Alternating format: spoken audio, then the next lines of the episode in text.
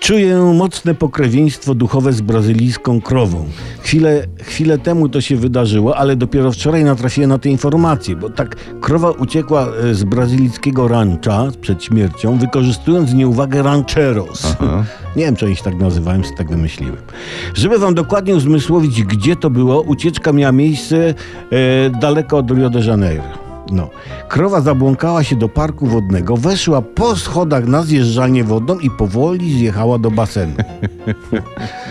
Dlaczego ta krówka jest mi bliska duchowo? Nie wiem, ile ona ma lat, ale ja, być może w jej wieku, uciekłem kiedyś z przedszkola na karuzelę. Przez okno podczas leżakowania.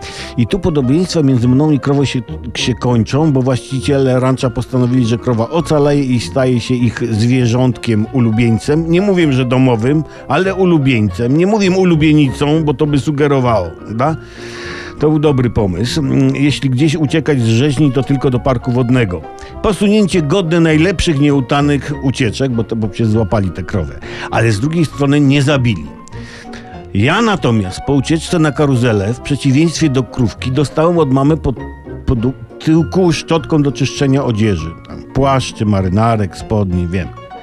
Nie ma sprawiedliwości na świecie i ja jej nie oczekuję. Zresztą o tej krowie jest filmik w internecie. Wyraźnie widać, słuchajcie, że ta krowinka musi jeszcze popracować nad prędkością najazdu i wyjściem z progu, bo pr- po prostu wzięła i przejechała.